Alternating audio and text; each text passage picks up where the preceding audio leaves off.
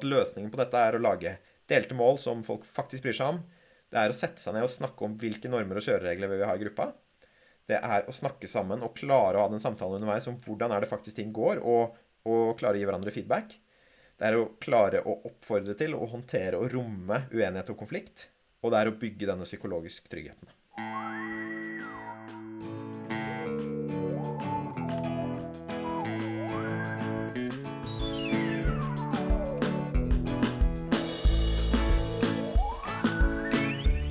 Hei og velkommen til Kvartlivskrise. Jeg heter Marius Jones, og dette er en podkast som handler om overgangen til voksenlivet, der jeg sammen med gjester utforsker hva som skal til for å leve et intensjonelt voksenliv.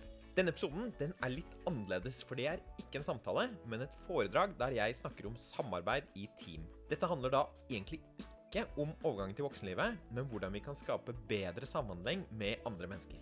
Så grunnen til at jeg legger ut eh, dette foredraget her, det er for det første at tematikken ligger ganske tett på en del av tematikken i de andre episodene. Fordi at dette også handler om relasjoner til andre mennesker og hvordan vi kan jobbe med de. Og den andre grunnen det er jo at jeg ser for meg at mange som finner kvartlivskrise interessant, også vil oppleve dette foredraget som givende.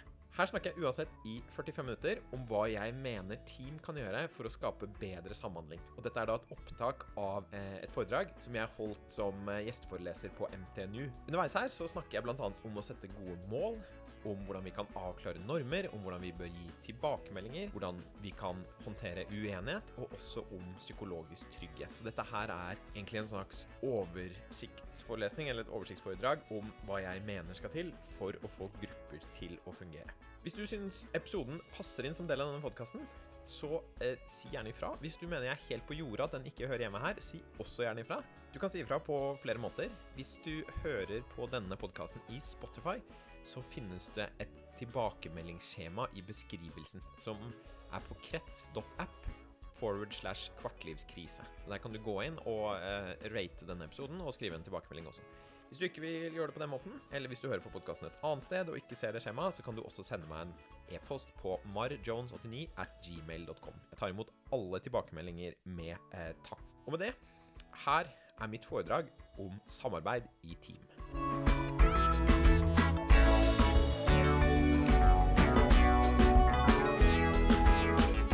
Ok, litt bakgrunn og, og meg, og hvorfor står jeg og snakker om dette her. Eh, min sånn interesse for team og samarbeid, den går tilbake omtrent ti år. Da jeg var med på, eh, eller ble tatt opp og var en del av Hærens befalsskole i Forsvaret. Og det syns jeg var en utrolig ålreit tid på mange måter. Det var mye gøy som vi holdt på med, som handlet om skyting og løping rundt i skogen og prøve å klare oss selv ute i, i villmarken. Og så var det også en del av det som eh, jeg fikk liksom stadig mer interesse for underveis når vi holdt på. Og det var det med å klare å lede og samhandle andre mennesker. Fordi at selv om Hærens befalsskole handlet mye om at vi skulle lære oss ting som hadde med krig å gjøre, så er dette med ledelse og samarbeid en veldig veldig stor del av det, og vi brukte ganske mye tid på akkurat det. Og det tror jeg ikke er fordi at Forsvaret er så interessert at vi skal bli så flinke til å jobbe i team, sånn isolert, men det er fordi at det er en tanke der om at hvis man er god til å samhandle med folk rundt seg, så gir det mer effekt i målet i militære operasjoner også. Og Det tror jeg er det samme veldig mange andre steder. Eh, både når man skal bygge racerbil eller i næringslivet for øvrig. Det å få team til å fungere er veldig ofte noe som gjør at man klarer å løse oppdraget eller få til prosjektene sine eh, i større grad enn hvis man dette skurrer. En ting som jeg har med meg fra, fra den tiden i Forsvaret, det var på en måte hvordan vi jobbet med å bli gode til å samarbeide i team. Fordi når vi holdt på der, så, så, var vi ofte ute på lengre oppdrag hvor vi var ute og vi skulle samarbeide, lede hverandre. Og det var både kaldt, vi var ofte trøtte. Eh, veldig mange ting ved de situasjonene og oppdragene som, som, fikk frem det verste i oss. Og hele tiden når vi holdt på da, så hadde vi en psykolog som satt på en stubbe ved siden av oss og skrev hva vi holdt på med i boka, boka si. Og da når vi kom hjem fra en øvelse, og vi hadde på en måte eh, kommet oss inn, fått eh, fikset utstyr og alt mulig, så var det alltid en siste ting vi gjorde før vi på en måte kunne ta helg, eller hva det var. Og det var at vi satte oss sammen i en slags liten sirkel inne på, på brakkene der vi bodde. Og så dro denne psykologen da fram boka. Og så fant han fram notatene sine og pekte da ofte tilbake på kanskje den situasjonen hvor vi hadde kranglet mest eller eh, fått i minst. Og så spurte han når Marius gjorde det og det når han var leder for dere, hva følte dere da? Eh, litt sånn touchy-fille inngang på det. Men poenget med hele denne sesjonen var jo egentlig at vi skulle både få reflektere litt rundt hvordan ting hadde fungert, vi skulle gi hverandre tilbakemeldinger, og vi skulle også tåle å sitte i de situasjonene som kanskje var litt ubehagelige og vanskelig å reflektere rundt. Og det har egentlig formet ganske mye om hvordan jeg tenker at teambuilding bør fungere også.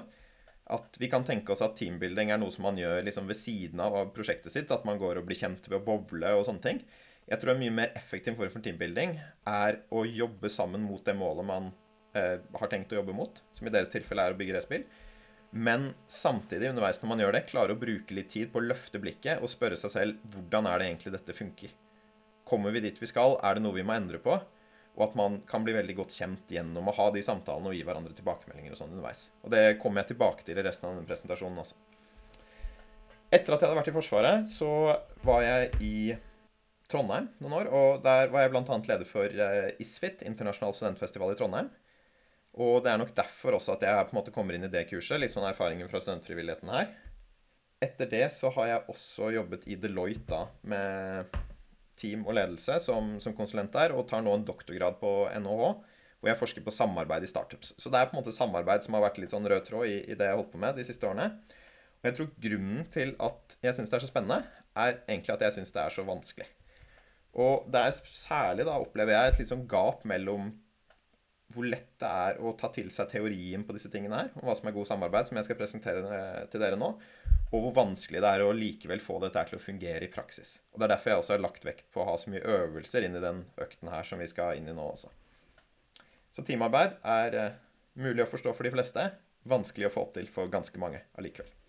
Som uh, nevnt så skal vi ha to deler i denne økten. Starte med én time, introduksjon til samarbeid, og så går vi inn på disse Team Ninja Movesene, som er mer praktiske øvelser. Vi skal ha tre øvelser som vi gjør, og én som dere får i lekse. Det er det jeg tror vi rekker av det her nå. Og For å starte med denne her med introduksjon til samarbeid, så tenkte jeg å skulle starte litt med skyggesiden av samarbeid. Og det starter med et studie fra 1913. Der var det en forsker som het Ringelmann, som så på effektene av å være fler når vi skulle drive tautrekning. Og, og, det han fant her, har da senere blitt kalt det som heter Ringelmann-effekten. Som, som, er litt uhyggelig perspektiv på, på, hva som skjer når vi kommer sammen i team. Studiet var ganske enkelt. Det som ble målt av Ringelmann, var hvordan total trekkraft endret seg når man la til flere mennesker eh, som skulle trekke tauet. Altså hva skjer når vi øker teamets størrelse? Og Her kan man jo tenke seg at det skjer flere ting. Det ene er jo at eh, man har en litt sånn lineær sammenheng med antall mennesker og total trekkraft, sånn at hver person, nye person trekker like mye. Man kan tenke seg at det er en stigende effekt. Altså at det er litt kulere å trekke sammen med andre enn det er å trekke alene, og derfor at hver person yter mer. Men det han fant, da, og som er litt sånn den triste, triste delen av teamarbeid, er at du får en kurve som ligner dette her. Flere folk gjør at det som trekkes av hver person, ofte blir mindre. Altså at for hver nye person du legger til i teamet, jo mindre er trekkraft per person. Og dette her er et fenomen som man ser i tautrekning, men man ser det utrolig mange andre steder også. Eh, at større team ofte gir et slags eh, produktivitetstap, eller det vi kaller et prosesstap. Altså jo flere man er på en gruppe, jo mer, eller jo mindre yter hver person. Eh, annet navn på dette fenomenet er jo det som kalles da sosial loffing også. Som er det med at jo flere vi er på en gruppe, jo litt lettere er det å på en måte snike seg unna. Eh, og så kan resten av gruppa gjøre det for deg. Og hvis alle går inn med den holdningen der, så gjør jo det selvfølgelig eh, noe ganske negativt da med gruppas totale produktivitet. Så dette her er jo et sånn eh, takeaway til dere. Det første er at kanskje man skal være litt sånn skeptisk til å ha team, og særlig for store team. For det gjør faktisk at folk kan prestere mindre.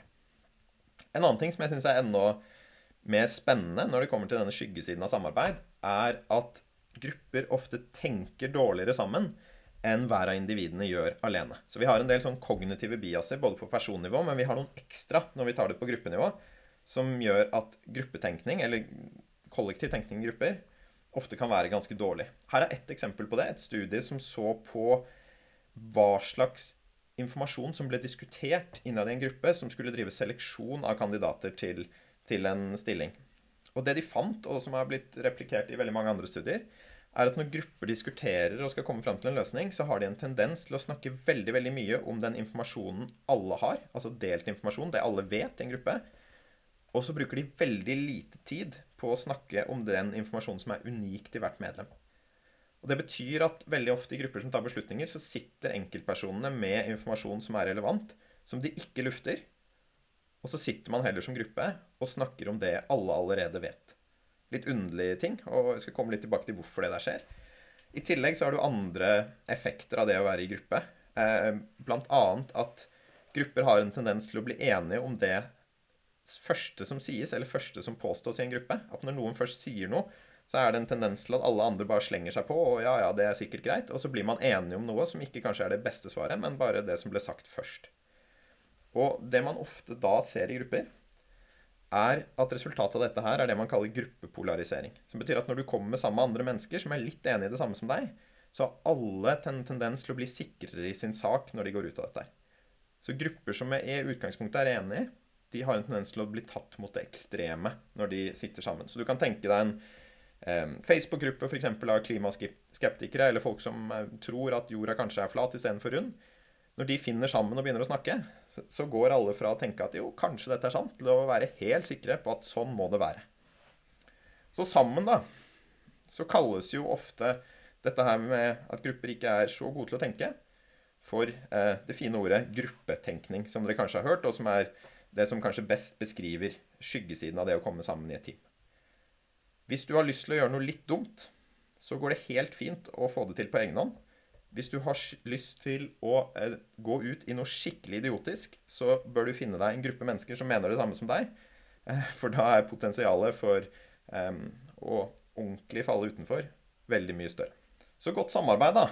Hva er det det dreier seg om? Og det dreier seg i stor grad om å klare å se de fellene som bidrar til gruppetenkningen, og så å gjøre noe med de.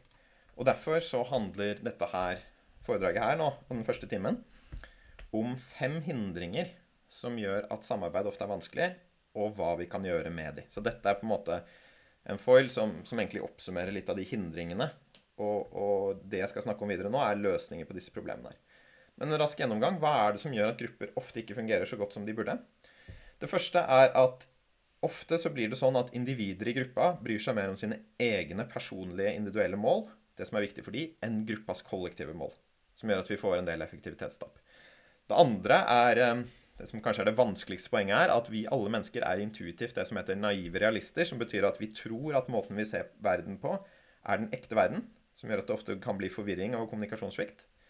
Vi er vanedyr, og det er vi både som individer og grupper, men det arter seg litt annerledes på gruppenivå, som vi skal se på. Den fjerde er at vi ofte er enige med hverandre for å vise at vi liker hverandre. Og, og det kan eh, være ganske usunt i grupper. Og den siste er at vi veldig ofte bryr oss masse om hva andre syns om oss, som også kan begrense oss en del i grupper. Og alle disse tingene her er ikke på en måte utelukkende dumme. Det er en del bra i alle sammen også.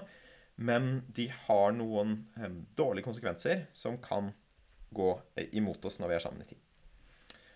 Så hva er det vi gjør med dette? Hvordan kan vi håndtere disse utfordringene? Jeg skal begynne med den første, som handler om at individuelle mål ofte trumfer gruppas mål. Og løsningen på det, eller en måte å gå løs på det, er å lage delte mål som gruppas medlemmer faktisk bryr seg om. Og hvordan kan det se ut? Det første som eh, selvfølgelig er viktig når man skal lage delte mål som man bryr seg om, er jo faktisk å lage noen mål. Og det er det ikke alle grupper faktisk som har, selv om det burde være åpenbart. Dette her er eh, et eksempel på en gruppe som gikk fra ikke ha mål til å ha mål, og det er det britiske rolaget, som etter hvert hadde blitt godt vant med å komme midt på tabellen og rundt på en syvendeplass i, i store internasjonale konkurranser. De syntes ikke dette var noe kult, eh, og de fant ut at de måtte endre tilnærmingen sin for at de skulle nå litt lenger. Og det de kom fram til når de hadde satt og kokt hodene sine sammen, var et ganske enkelt spørsmål som de skulle bruke til å vurdere alt de holdt på med. Og det var følgende Will it make the boat go faster? Og det enkle spørsmålet her gjorde da, ifølge dem selv, at de eh, vant gull i den neste olympiaden de deltok i, som var i Sydney i 2000.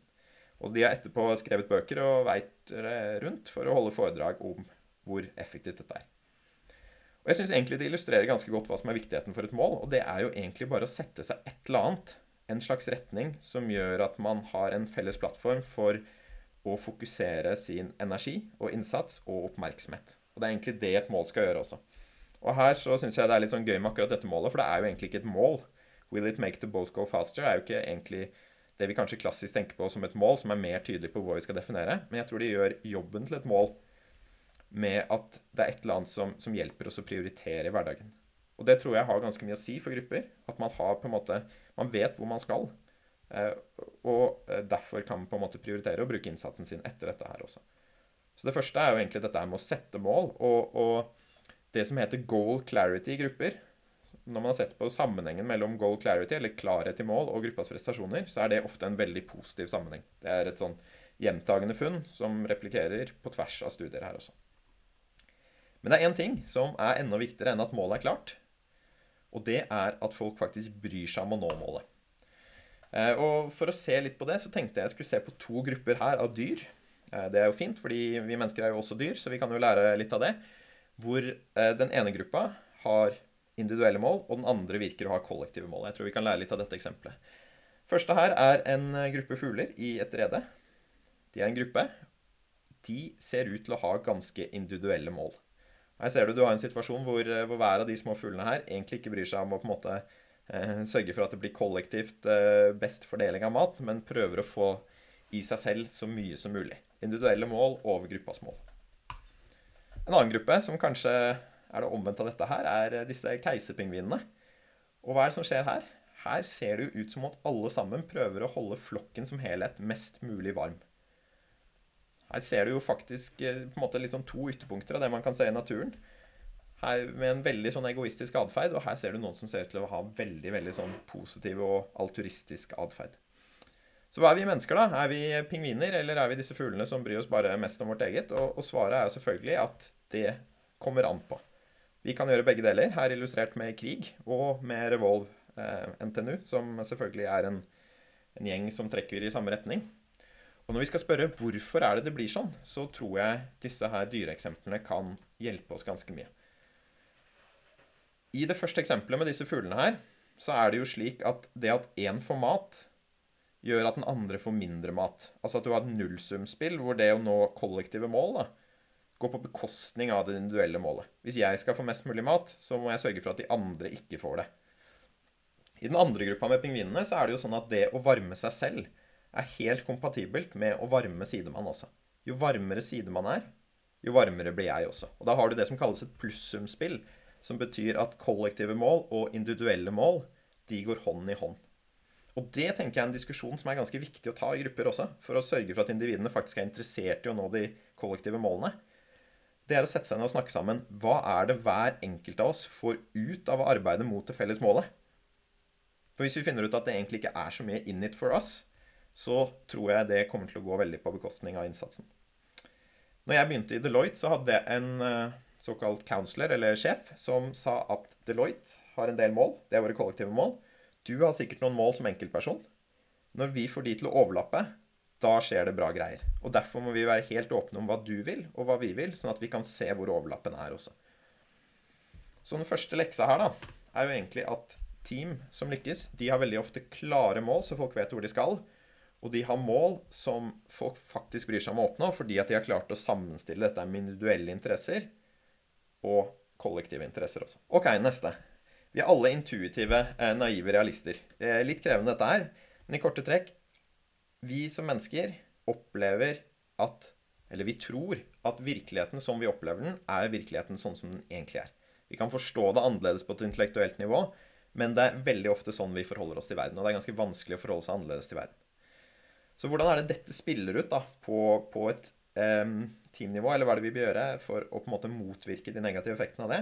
Jo, det er å prøve å sette oss sammen og utvikle noen normer og kjøreregler som er eksplisitte og derfor delte. Et eksempel på hvordan dette ser ut, eller fra teamforskningens verden, er fra et studie som handler om bl.a. melkekur, sånn som denne. I 2015 så publiserte veilederne mine på NHH, som heter Therese Sverdrup og Vidar Skei, et studie hvor de så på melkebønner. Og eh, det var en ganske interessant setting. Hvor disse melkebøndene gikk fra en individuell produksjon som de hadde tidligere, til at de skulle samarbeide i en mer sånn kollektiv produksjon. De skulle begynne å jobbe i team, egentlig. Så det var ganske like team. De skulle produsere det samme, de hadde ganske like forutsetninger og utstyr. Og Vidar og Therese, mine veiledere, var inne da og prøvde å se er det noen ting i samspillet mellom medlemmene som kan predikere prestasjoner, målt i da antall melk som blir produsert. Og det de fant, som kanskje var eh, det viktigste som disse teamene holdt på med for å øke prestasjonene sine, var at de var utrolig flinke til å sette eksplisitte forventninger og kjøreregler til hverandre. Altså at de snakket om hvem skulle gjøre hva, hvor mye skal vi jobbe, hva skal vi gjøre hvordan, hvis ting ikke fungerer, hvordan håndterer vi det hvis det oppstår eh, kriser eller noe ikke går som det skal. Og sette reglene for hvordan dette skal gjøre. Og det de så også da, var at gruppene som hadde gjort det, de klarte å håndtere uforutsette eh, situasjoner. Mens de som ikke var så flinke på det, hadde mye større grad av krangler og uenigheter og frustrasjoner seg imellom også. Så det å sette disse forventningene viste seg å være nøkkelen. Og når jeg er ute i team og snakker om dette her, og spør har dere snakket om disse tingene, har dere satt forventningene og kjørereglene, så sier veldig ofte folk nei, det har vi ikke. Og når jeg spør hvorfor, så er det veldig mange som sier at det er jo fordi det er åpenbart. Selvfølgelig. Det er jo åpenbart hva kjørereglene skal være. Og det er her denne her naive realismen kommer inn. Naiv realisme, som sagt. Vi tror verden er slik vi opplever den. Og også da at vi tror våre modeller for verden, inkludert hva slags kjøreregler det burde være i team, er noen som er sanne og delt av alle. Og bare for å på en måte illustrere hva dette her med naiv realisme er, da, dette er et litt sånn tungt poeng, men jeg, jeg tror egentlig at det er verdt å gå via denne her, det er å se på denne figuren. Og hvis jeg da spør hvilken av rutene her, A eller B, er mørkest, så ser det i hvert fall ut for meg som at A er ganske mye mørkere enn B. Jeg opplever at det er sånn det faktisk er. Så hva er det som skjer her, da? Hvorfor er det sånn at vi opplever rute A som mye mørkere enn rute B? Det er jo fordi at persepsjon, altså vår opplevelse av verden, er en toveisprosess. Hvor det er både ting utenfra, altså det vi får gjennom sansene, men også tidligere modeller som vi har av virkeligheten, som er det eh, som resulterer i vår opplevelse av virkeligheten. Og dette får vi jo ikke med oss. Vi, vi er jo veldig lett å tenke seg når man går rundt i verden, at det vi ser, er akkurat sånn virkeligheten er. Og når det er sånn med ting som kanskje er så objektive som hvordan ting faktisk ser ut eh, ute i verden, så kan dere jo i hvert fall tenke dere hvordan det er med ting som er så vage som forventninger til hverandre og normer i et team. Alle dere har en modell i hodet om hvordan normer og kjøreregler er i det dere skal inn i nå. Sannsynligvis så overlapper ikke de modellene perfekt. Og måten å gå inn i det da, er jo på en måte å prøve å avklare hva er det hver av det en av dere har i hodet, og så prøve å sammenstille det. En måte å gjøre det på er eh, å følge eksempelet til eh, han her, eh, minstemannen her, coach K, som han heter, som en stund var trener for det amerikanske basketballnasjonallaget. Det var et lag av stjerner som ikke hadde fungert så veldig godt. Og han var da mannen som fikk dette her til å fungere som et skikkelig team. Og hva var det han gjorde for å sammenstille regler? Jo, han eh, gikk til spillerne etter en av de første treningene de hadde hatt, og så sa han i kveld så skal vi møtes i garderoben, og da skal vi sette spilleregler for oss i teamet. Så frem til da skal hver av dere tenke på hva dere forventer av hverandre, for det er det som blir reglene. Og for egen del så sa han på, på veldig tydelig og godt amerikansk vis at han har bare to regler. Og det er én, vi skal være ærlige, og vi skal se hverandre i øynene når vi snakker med hverandre. Og det, Jeg tror man må være litt amerikaner for å si sånn, men man trenger ikke å være amerikaner for å kjøre en sånn felles eh, normavklaring i gruppa som man egentlig gjør der. Og særlig dette med å på en måte involvere folk i gruppa også, og få folk til å sette sine egne kjøreregler, altså sammen kollektivt som et team, det tror jeg er veldig lurt når man skal sette normene i gruppa. Så kort, da. Team som lykkes, de har veldig ofte eh, felles kjøreregler som de har snakket om, og eh, som de bryr seg om å følge som en gruppe. Ok, vi farer videre. Neste hinder som kan eh, virke imot oss i team, det er dette her med at vi er vanedyr. Eh, både som individer, men også som vi skal se på gruppenivå også. Og jeg tror vaner er en fantastisk eh, fin ting, men det kan også slå imot oss noen ganger. Hvordan løser vi det? To metoder som jeg skal komme tilbake til straks. Det ene er å klare å ha sånne metasamtaler hvor vi snakker om hvordan er det ting egentlig fungerer i gruppa. Og det andre er dette her med å gi hverandre tilbakemeldinger underveis mens man holder på. Men først hva er egentlig en vane? Hva er det vi kan si at det er? Og, og der syns jeg det er én eh, forfatter som heter James Clair, som har skrevet en bok som heter Atomic Habits, han, han sier det ganske godt. Når han sier at vaner er løsninger på gjentagende problem.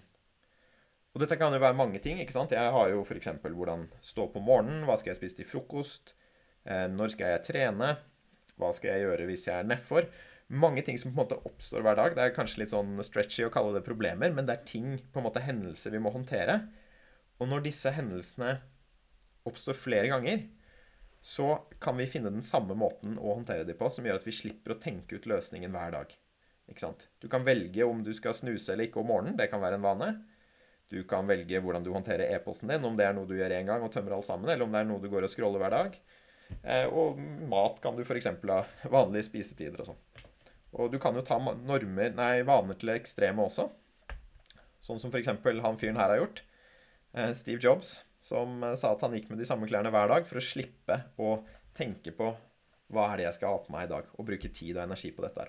Så eh, vaner er en super ting. Det gjør at vi kan slippe å tenke på de problemene som vi har funnet en løsning på, sånn at vi kan bruke det på å være kreative og løse de nye problemene som oppstår. Men så er det to utfordringer med vaner. Og det ene er jo at når vi først har valgt en vane, eller kommet inn i en vane, så er de ganske vonde å vende. Og det kan være dumt hvis én, vi har løst problemet på feil måte. Eller to, hvis vi tar med oss en vane fra en situasjon hvor den vanen fungerte, og så bruker vi den samme for å løse det neste problemet også. Og dette gjør vi på individnivå, men man ser også at dette her eh, skjer på grupper.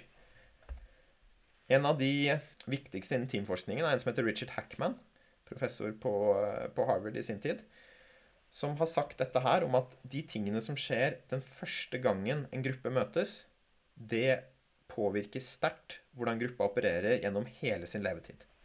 Altså at det mønsteret vi faller inn i, eller de vanene vi faller inn i av hvordan vi snakker sammen, hvordan vi er med hverandre, rollene vi har, eh, styring og ledelse og sånn, har en tendens til å vedvare over tid. Vi faller inn i et sett med vaner, og så blir vi der. Og det her kan jo være dumt av flere grunner. Kanskje vi faller ut litt på, på, feil side. Eller kanskje situasjonen endrer seg så mye underveis at vi faktisk må skru på det og endre disse vanene. Og i grupper så er det akkurat det litt tungt. For det krever nemlig at noen spiller en litt sånn djevelens advokat og faktisk klarer å si fra om det. Og hvordan kan det se ut? Her er eh, et eksempel fra en fyr som heter eh, Ray Dalio. Han er leder for Bridgewater Private Equity, som er et av de ledende private equity-fondene i verden. Ray han fikk en e-post av en av sine medarbeidere etter et møte som så sånn ut. Dette er da sjefen som får denne e-posten av en medarbeider lenger ned i hierarkiet. Hvor denne medarbeideren skriver til han Ray, you deserve a D minus for your performance today in the meeting. You did not prepare at all because there is no way you could have and been that disorganized. In the future, I, we would ask you to take some time and prepare, and maybe even I should come up and start talking to you to get you warmed up or something, but we can't let this happen again. If you in any way think my view is wrong, please ask the others, or we can talk about it. Så relativt krass e-post, kan man kanskje si. Og, og hva gjorde Ray med denne e-posten da han fikk den? Han ga ikke medarbeideren sparken. Han sendte denne her ut til hele Bridgewater, hele selskapet sitt, og sa sånn Sånn skal vi snakke med hverandre. Eh, og det, hvorfor, hvorfor, i alle dager vil han det? Jo, det handler om et prinsipp som de har i Bridgewater, som de kaller radikal åpenhet, eller radical transparency. Hvor de sier at ingen i selskapet har lov til å være frustrert eller misfornøyd med noe uten å si fra om det. Så det er greit å være misfornøyd, men da skal det ut også til hele selskapet.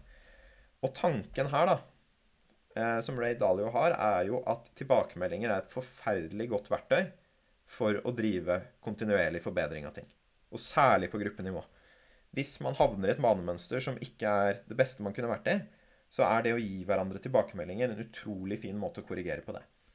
Og dette er noe som gjør også at det kanskje er lettere å endre vaner på gruppenivå enn på individnivå, fordi at vi kollektivt kan ta ansvar og si fra til hverandre hvis vi ser noe som skurrer. Men det forutsetter at vi klarer å gi disse her tilbakemeldingene skal komme med også en eh, personlig historie om dette. her. I, tidlig i doktorgradløpet mitt så var det en professor fra INSEAD, eh, som er en topp eh, businessskole i, i, Frankrike, og skulle høre på oss nye stipendiater, eller unge forskere, da, presentere våre ideer. Og det han sa da tidlig i, i Eller før presentasjonene startet, var at Today I will be your nasty friend. Altså, det skal være din slemme venn i dag. Og hva er det han ligger i det, eller hva var det han mente det? Han mente at i dag skulle han være vår største kritiker. Men ikke for å være en drittsekk eller for å ødelegge for oss, men fordi at det er akkurat det vi trenger for eh, å ta prosjektene våre fremover. Fordi at det å på en måte slå i hjel dårlige ideer, det er faktisk noe som er ganske fint hvis, eh, hvis, folk faktisk har dårlige ideer, for da slipper man å bruke mer tid på det også. Eh, og, og, jeg fikk jo da selvfølgelig eh, så hatten passet. Eh, totalt slakt på mitt eh, unge prosjekt. Og har heldigvis da beveget meg over til andre ting, som er selvfølgelig er litt relatert til det, men i en ganske annen retning, basert på dette her også. Og det som jeg syns er litt sånn fint her, da, som han gjorde, var jo egentlig at han satt kjørereglene, eller normene, eller forventningene til hvordan dette kom til å se ut ganske tidlig. Ref forrige punkt om å sette, sette, klare normer.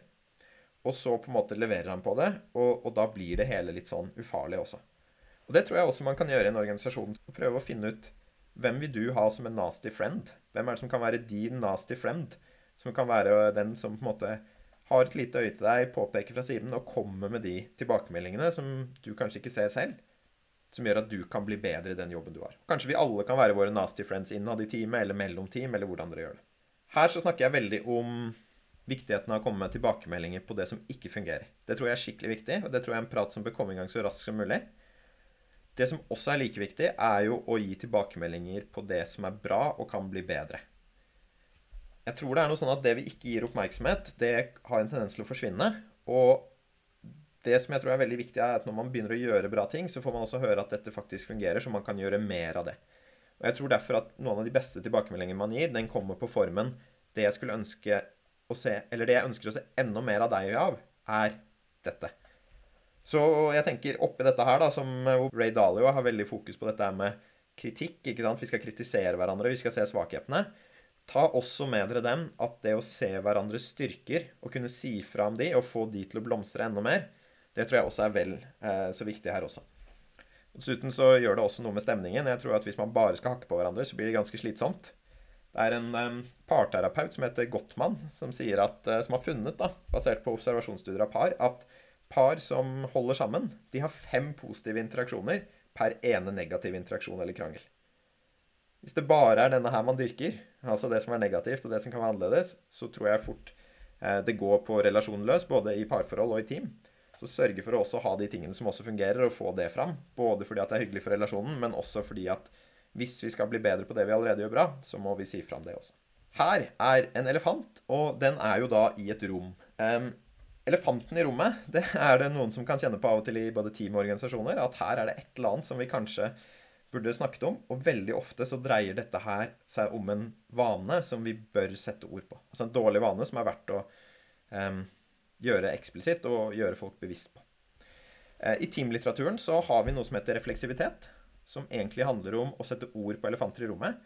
Og det vi ser, er at grupper som er gode på dette med refleksivitet, altså ta en sånn metasamtale og spørre seg selv hvordan er det egentlig dette funker, har vi de riktige vanene, er det noe vi skal skru på, de gjør det bedre enn andre team. Dette er ganske vanskelig. En måte som én organisasjon løser det på, er Spotify, som har satt inn en struktur som skal på en måte ivareta refleksivitet gjennom det de kaller fail walls. Så på Spotifys kontorer så har de sånne tavler hvor, eh, som heter fail walls, hvor det er sånn at alle kan skrive opp ting som er feil eller ikke fungerer. Og når noe skrives opp på disse tavlene, så skal det feires. For da har man funnet ut noe som ikke fungerer sånn som det er nå. Og det er jo selvfølgelig en anledning til å lære å bli bedre. Så det er jo også noe å tenke på. ikke sant? Prinsippet her er jo denne refleksiviteten. Det å få i gang en samtale om hva er det som ikke funker, hva er det som kan bli bedre. Og øh, kanskje det er noe vi klarer fint i gruppa på egen hånd, at vi tar det liksom sporadisk når det skjer. Kanskje det krever en sånn struktur som, som er her også. Uansett så er det sånn at team som lykkes, de er flinke til å ta denne samtalen om hvordan ting går akkurat nå, og til å gi hverandre feedback. Altså tilbakemeldinger både på de dårlige vanene og på enkeltpersoner som gjør ting som er bra eller mindre bra. Snakke om det, både det som er dårlig og det som er bra. Ok, neste. Og de to siste handler jo i stor grad om det vi snakket om i starten, dette her med gruppetenkning.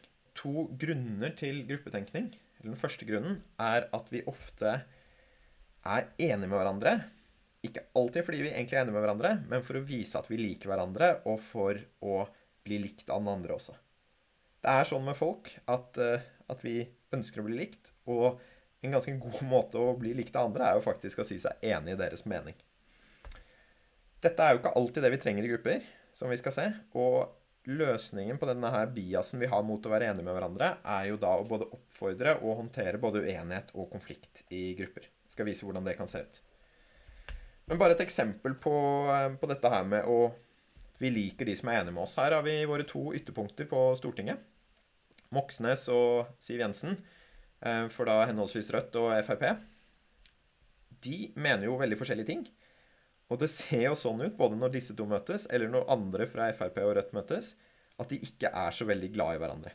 Det ser ut til å være på en måte en slags sammenheng mellom å være enig og være glad i hverandre. Og jeg, jeg tror jo at når både Moxnes er på Rødt sine fester, og når Siv Jensen er på Frp sine fester, så har de det ganske hyggelig. Det ser ikke ut til at de har det sånn når de treffes. Så hva er poenget her? Eh, poenget er at vi har en tendens til å like folk som mener det samme som oss, og vi bruker veldig ofte meningene våre, altså si hva vi mener, for å signalisere flokktilhørighet. At vi liker deg, og jeg håper du liker oss også, og jeg har lyst til å være på ditt lag. Og det kan være veldig dumt i en gruppesammenheng, fordi veldig, veldig ofte så er det akkurat uenigheten vi trenger for å komme litt videre i det vi skal holde på med. Og et eksempel på det det er fra disse to. Her har vi brødrene Wright. De første som klarte å gjennomføre en kontrollert flytur. Og det er jo selvfølgelig et kreativt prosjekt som handler om å bygge noe som er litt finere enn folk har bygget før. Og det de da klarte, var jo at de var de første som gjennomførte en flytur hvor de både lettet med motorisert fly, de holdt seg i lufta litt, og de landet uten å knuse alt sammen. Disse her to var, hadde vokst opp eh, sammen, som, eh, som brødre ofte gjør. Eh, og de hadde visstnok en far som var svært god til å debattere. Og det preget også hvordan de samarbeidet på. Og det er en mekaniker som visstnok skal jobbe fra dem, som sa at disse her kranglet masse når de jobbet sammen. De hadde ofte diskusjoner som gikk over flere uker. De kranglet og diskuterte ofte helt til begge to hadde konvertert den andre til det andre standpunktet, sånn at de fortsatt var like uenige etterpå. Og Likevel da, så beskriver han her mekanikeren hvordan han ikke trodde de ble sure, men at det i hvert fall gikk veldig hett for seg. Og det tror jeg egentlig er et ganske sånn stikkord. Klarer vi å la det bli litt hett for seg uten å bli sure på hverandre, så klarer vi kanskje å få det beste ut av uenigheten. For det er liksom uenigheten som ofte er det vi kan tilby andre for å trekke deres tenkning enda mer i riktig retning. Dessverre så fører ofte uenighet til litt sånn dårlig stemning. Og dette er jo kanskje den mest eh, kompliserte grafen på, eh, i presentasjonen her, men uh, bear eh, with me. Um, mange forskere som har sett på, på, sammenhengen mellom konflikt og prestasjoner, de har skilt konflikt i to, i noe de kaller sakskonflikt og personkonflikt. Sakskonflikt er all konflikt som handler om det vi jobber med, saken, hvor vi prøver å diskutere hva er det brette målet, og hva er den riktige løsningen. Personkonflikt er den type konflikt som kjennetegnes at vi begynner å mislike hverandre litt på personlig nivå. Vi blir skeptiske til hverandre, vi lurer på hverandres intensjoner, vi begynner å ikke like hverandre. Og det som vi ofte ser i timelitteraturen, er at disse korrelerer ganske høyt. Der det er sakskonflikt, blir det veldig ofte relasjonskonflikt. Ikke alltid, men ofte blir det det. Og det vi ser på, på den foilen her, er et metastudie, hvor hver av prikkene på den grafen, eller XY-planet her, er enkeltstudier og her har da forfatterne sett på sammenhengen nederst her mellom, i, i X-aksen på korrelasjonen mellom sakskonflikt og relasjonskonflikt.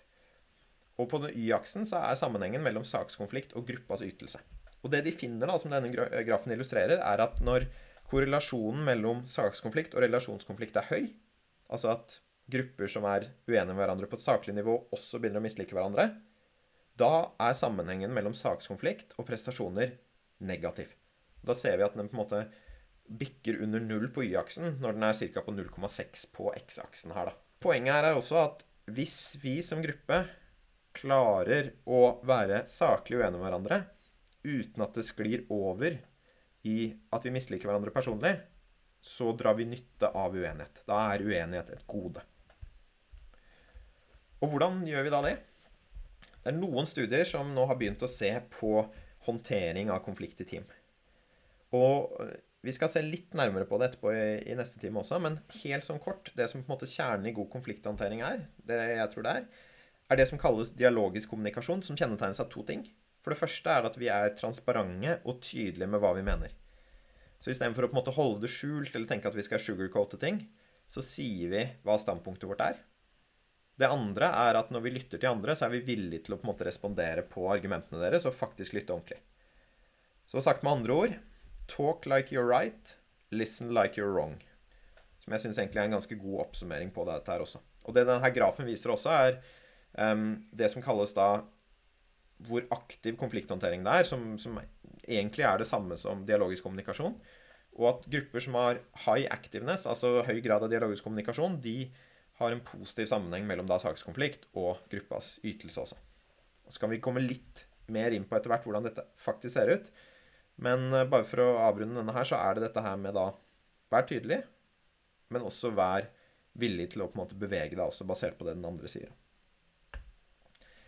Og da at grupper som eh, klarer å bruke uenighet og konflikt som en ressurs, de eh, lykkes bedre også. All right. Eh, siste poeng. Vi mennesker bryr oss veldig mye om hva andre syns om oss. Og det tror jeg generelt er godt for samarbeid. Det tror jeg gjør at vi er eh, lettere å ha med å gjøre, og, eh, og legger liksom godsida til av og til når vi er sammen med andre. Det kan også ha en slagside som gjør at vi holder tilbake på de tingene som representerer en sosial risiko for oss. Så hva er en sosial risiko? Jo, det er ting man kan gjøre i en gruppe som kan sanksjoneres sosialt av andre. Og veldig ofte så handler det om ting som å kritisere andre, som å trekke fram en elefant i rommet, som å være uenig. Nesten alt av de andre tingene i, i, disse fire boksene her representerer en form for sosial risiko. Og Derfor ligger dette også femte punktet som et slags fundament i bunn også. Dette her med å klare å skape det som kalles psykologisk trygghet, altså en opplevelse i gruppa om at her er det trygt faktisk å ta sosial risiko, det er noe som kanskje er det viktigste fundamentet for å få alle de andre tingene her til å fungere i grupper. Så hva er det vi mener med dette med psykologisk trygghet, og hvorfor er det så vanskelig? Jeg tror For å forstå det, så er det veldig fint å gå tilbake til eh, steinalderen, til hulemannen, som vi her har tatt bilde av. Og som vi ser, så måtte hulemannen få mange ting til å gå i orden for at de skulle klare seg. De måtte passe barna sine, ser vi. Det er noen som gjør opp ild. Det er noen som holder utkikk etter noen fiender og sånn. Det alle hadde til felles, da, for at hvis de skulle overleve, så måtte de sikre seg tilhørighet i flokken. De var helt avhengig av hverandre for å overleve, og sannsynligvis så var det sånn for hulefolket at hvis du ble utstøtt, så var det det samme som døden. Da var det langt til neste flokk, ingen hule å gjemme seg i, og mange rovdyr som kunne ta tak i deg, og ingen Airbnb eller hoteller du kunne sjekke inn på i mellomtiden også. Så våre forfedre, de som har klart å eh, komme seg videre til neste generasjon, de har sannsynligvis vært veldig flinke til å bli likt, og brydd seg ganske mye om å bli likt også. Det er de genene som vi flyr rundt i verden med også. Og i lys av dette da, så har eh, en professor som heter Amy Edmundsen, Harvard-professor som kom opp med begrepet psykologisk trygghet, hun har sagt at i organisasjoner så har mennesker, alle personer, har to jobber. Den første er den de blir betalt for, som du kan lese om i arbeidsbeskrivelsen. Og den andre er dette her med å ta seg godt ut. Og i det så ligger det at vi alle bryr oss om det. Både fordi vi har disse på en måte, genene fra steinalderen, men også fordi at hva andre syns om oss, har konsekvenser for oss i arbeidslivet. Hvis man tenker at man er i en jobb hvor eh, man kanskje kan få opprykk, eller man er interessert i en stilling høyere oppe, eller at man ønsker høyere lønn og sånn, så er man helt avhengig av at andre ser på deg som en kompetent person de ønsker å ha med seg videre i flokken. Og da gjør det at disse to tingene begge blir viktige for oss som individer. Og dette her er det som da kan føre til at vi tar mindre sosial risiko enn vi burde. Altså at vi lar være å gi de kritiske tilbakemeldingene, vi lar være å være uenige, vi lar være å ta de ubehagelige samtalene, vi lar være å eh, sette ord på elefanten i rommet, nettopp fordi at dette kan ha dårlige konsekvenser for oss. Og derfor er dette her med å skape denne psykologiske tryggheten, som er opplevelsen at det er trygt for sosial risikotagning i gruppa, noe som kjennetegner grupper som fungerer. Og dette her var også noe som Google gjorde et studie på for et par eh, år siden. Hvor de gikk inn eh, i noe som het Project Aristotle, og så på hva er det som kjennetegner Google-teamene som presterer best. Og det de konkluderte med, i korte trekk, var at psykologisk trygghet var den viktigste predikatoren for gode prestasjoner hos sine team, og det de kaller da et fundament for godt samarbeid. Så grupper som klarer å bygge denne psykologiske tryggheten, lykkes bedre. Og så er da spørsmålet hvordan, hvordan, gjør vi dette her? Hvordan er det vi kan bygge psykologisk trygghet? Der er det mindre forskning. Eh, min synsing er at jeg tror dette her er noe vi gjør stegvis i grupper. At det å bygge psykologisk trygghet handler om å på en måte gradvis utvide det rommet for hvor mye av oss selv det er plass til i en gruppe. Hvor mye der sjæl kan det være.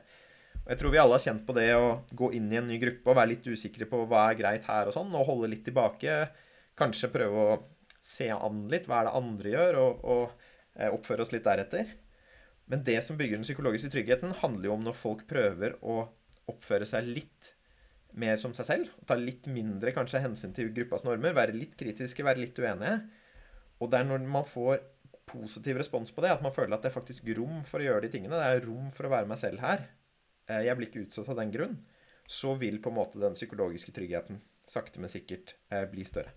Så det tenker jeg liksom, Når vi skal snakke om hvordan er det dere faktisk gjør det i gruppene deres, så handler det om å tørre å ta litt sjanser.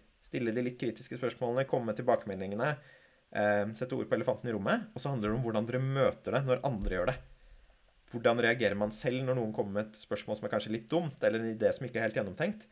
Prøve å eh, møte det med aksept, og i hvert fall ikke på en måte gi personen en følelse av at 'dette blir du dømt for', eh, nå, nå, ser du dum ut', og det skal ikke vi ha noe av i dette teamet. Så i korte trekk Team som lykkes, de klarer å både utvikle og opprettholde dette vi kaller psykologisk trygghet. Så bare før vi tar pause, en, en liten oppsummering, da. Så det på en måte jeg snakket om nå, er dette her med at veldig ofte så kan gruppa prestere dårligere enn individene alene den består av. Og det handler i stor grad om, om disse fem utfordringene. At vi ofte bryr oss mer om våre individuelle mål enn gruppas mål, som kan føre til sosial loffing. da. At vi alle er intuitivt naive realister. At vi tror vår modell for virkeligheten er den samme som den faktiske virkeligheten, som skaper forvirring og miskommunikasjon i grupper. At vi er vanedyr, som kan ofte være bra, men som også gjør at dårlige vaner får lov til å bestå for lenge. At vi bruker enighet for å signalisere at vi liker hverandre, som kan komme i veien for den sunne konflikten som vi trenger. Og at vi alle bryr oss ganske mye om hva andre syns om oss. Og at løsningen på dette er å lage delte mål som folk faktisk bryr seg om. Det er å sette seg ned og snakke om hvilke normer og kjøreregler vi vil ha i gruppa det er å snakke sammen og klare å ha den samtalen underveis om hvordan er det faktisk ting går, og, og klare å gi hverandre feedback. Det er å klare å oppfordre til å håndtere og romme uenighet og konflikt. Og det er å bygge denne psykologiske tryggheten. Dette var litt sånn oppskriften. Nå tenkte jeg vi skulle ta en liten pause. Ta, vi kjører pausen til kvart over, så ti minutter pause nå. Og så skal vi inn etterpå og jobbe med disse movesene, eller ninjagrepene, for å trene på disse tingene.